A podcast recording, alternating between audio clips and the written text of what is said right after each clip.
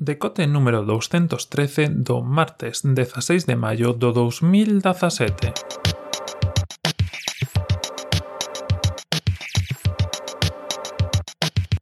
Bos días e benvidos a esta nova edición do Decote un pouco máis tardía. A verdade que despois destos días estou pensando se non será máis efectivo a nivel marketing e xeral eh, sacar os decotes pois a unha hora un pouco máis tardía, eso das 10, 11, non sei.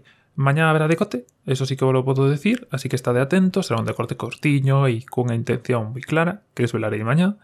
E o que sí que me estaba aprendendo era un pouco eso a hora de saída, porque quizá a nivel de marketing e desas cousas, pois sexa máis interesante que saia ás 11 ou así, que a xente anda máis atenta ás redes sociais que ás 8. Ou quizá facer unha cousa mixta, que se publique ás 8, pero que saia o anuncio ás 11, para que eso sí que teña máis viralidade, mentras que os que xa sabedes que hai, pois ides ao vosso podcatcher e ás 8 xa tedes aí.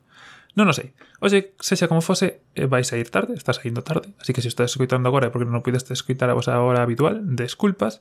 E dito isto, imos falar de videoxogos. Levamos xa un tempiño sin falar de videoxogos por aquí. A verdade é que Estou intentando poñer un pouco as pilas con este tema, eh, fixe unha lista de horas, xogos e un pouco puntuación, e a verdade é que é máis curta do que me gustaría, porque ao final gasto moito tempo cos xogos que, que me gustan, con Isaac últimamente, con League of Legends, con Overwatch, con esos xogos pois que ao final eh, non teñen límite, eh, que te permiten estar aí xogando unha e outra vez sin, sin ter pois un logro ou algo que acadar, e nada, Isaac sí que ten logros, sí que espero acabarlo en algún momento, van por 150 horas que lle teño dedicadas e ainda non acabei co, primeira co primeiro, con Rebirth, e logo verá Afterbirth e logo Afterbirth Plus, que sí que é o, o final do xogo e sacar o, o 1001%, que é acabar todos os xogos e que un pouco a historia detrás de Isaac.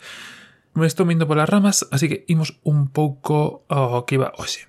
Hoxe imos a falar o último xogo que me pasei, que é un xogo bastante antigo, pero creo que por eso non deixa de ser interesante. En concreto estou falando de Limbo, unha pequena obra eh, dun, do estudio danés eh, Payload, que quizá coñeces da súa última obra, moi similar a esta, dícese que é un pouco un sucesor espiritual porque colle moitas das mecánicas que é Inside. Pero Limbo é original, é un xogo que saiu no seu momento, que saiu eh, no 2010, en principio para Xbox, ahora mismo tedro todas as plataformas, sabedes que me gusta traer xogos que teñades en todas as plataformas, custa 10 euros, dependendo da plataforma, así que en Steam Custa 10 euros, estuvo gratuito fai unhas semanas, puxémolo polo Twitter, se me seguides é unha boa forma, así que é un título asequible e para todos para todas as plataformas. Ademais desto, é un xogo moi sinxelo de xogar, ten apenas os controles de movimento, de saltar adiante e atrás, un control de, de agarrar, suxetar e, e xa está, diría eu, se non me equivoco. Sí, Con eso, pois con eso xa podes facer de todo, con eso xa podes pasar o xogo. O xogo de que vai? Un xogo de puzzles, pero non é un xogo de puzzles, digamos, de fases, sino que é unha historia lineal eh, onde van aparecendo os puzzles. Que destaca en Limbo? Pois sobre todo destaca a parte gráfica e de sonidos. Teño que decir que a primeira vez que me topei con un enemigo levei un susto de narices e eso que o xogo non, non vai de eso.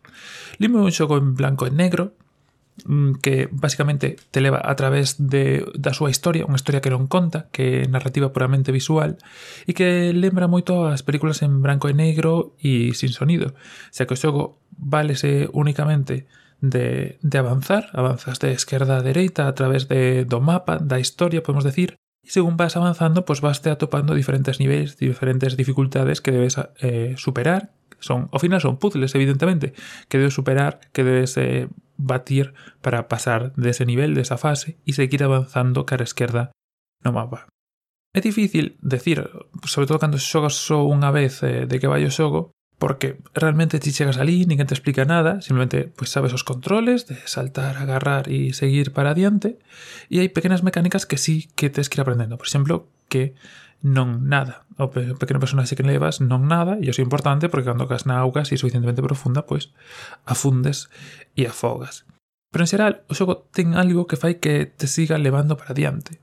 Suponse, enténdese que polo título, é algo que podes coller, estás no limbo. E aí, pois, tes como pequenos enemigos, xente que se pon contra túa, e é a que vai pois facendo que teñas que superar esas fases, uns niveis que tira de mecánicas moi simples, como podes podedes imaginar, porque evidentemente o non ter máis que esas tres ocios, máis que esas tres formas de poder interactuar, que é movéndose ou pois cun botón de acción, que normalmente para empuxar ou para darlle un botón, eh, tens que pasar todas as fases. Iso fai que sexa posible eh, para calquer persoa, independentemente do nivel de videoxogos que teña, poder degustar e superar este xogo, fai que a xente que ten control pois, o poda facer quizá dunha forma máis sinxela, pero, pois como vos digo, non quita de que a xente non, que non saiba poida achegarse a él. Además é un xogo curto, eu penso que en 3 horas e media, 4 horas, dependendo da, da vosa habilidade e do número de veces que teñades que repetir cada nivel, podes superar, o que tamén invita moito, pois como digo, a quen é bo apoñarse e sacalo nunha tarde ou en dúas tardes e a quen non pois atelo aí como unha opción pois para para ir xogando e seguir avanzando. É un xogo corto, pequeniño, precioso. Eh, deixarei vos enlaces como sempre na descripción. Na descripción cedes un enlace ao podcast, ao blog do podcast en podcast.org.net e supoño que a portada será xa unha das imaxes de, do propio xogo. Como os digo, é precioso, é simple, eh, limpo son aproximadamente 30, 38 fases ou 38 probas que logo se dividen pues, en diferentes niveis e un nivel oculto que se si vos gusta o xogo, se si vos gusta un pouco todas as mecánicas que mostra, todas as ideas que, que trae, a verdad é que vos vai a romper a cabeza porque eh, digamos como a complicación máxima de, de todo o que se mostra no xogo. Pola miña parte, decir que inicialmente custoume un pouco coller eh, exactamente como funcionaba, porque como os digo, non ten explicación, e quizá esa é unha das cosas interesantes. É un xogo curto, pero que non te ensina. Sabes que moitos dos xogos pois ten unha primeira fase tutorial, un primeiro momento de colle esta caixa e fai estallar e fa, mándate facer tres ou catro misións nas que aprendes pois como é o funcionamento. Neste xogo non, evidentemente que tiñas controles tan sinxeros tamén axuda a que non faga falla, pero tamén te axuda a meterte máis no xogo a descubrir. Desde descubrir que o xogo avanza cara a dereita e non cara a esquerda, que en sí xa eh, te fai descubrir un logro, como logo como funcionan cada trampa, cada movimento, cada forma. Sobre todo o xogo, ademais, según vas avanzando, vas descubrindo partes da historia. Ves outras persoiñas que se escapan, cando apareces ti, ves outras persoas que te van a atacar, ves outras persoas que te intentan poñer trampas, vas descubrindo un pouco como é o mundo, como é o limbo, como está feito todo, que é o que che rodea, e sobre todo pues disfrutas dese apartado visual que pese a ser en branco e negro e pese a ser pues moi limpo evidentemente tedes que pensar que son dous dimensións non hai profundidade como os digo, os controles básicos avanzar de esquerda a dereita pues basicamente hai dúas dimensións nas que te tes que mover e nas que tes que traballar e nas que tes que xogar para, para salvar os puzzles. E nese sentido, pois eu creo que é un xogo moi logrado.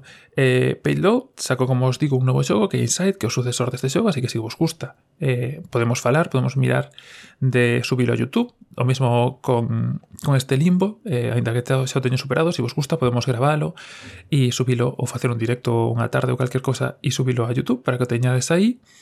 E, eh, como os digo, este xogo foi un dos mellores de 2010, por eso creo que tamén é unha boa opción. Sempre me gusta recuperar os xogos vellos que non xoguei no seu momento para traelos agora e rexogalos.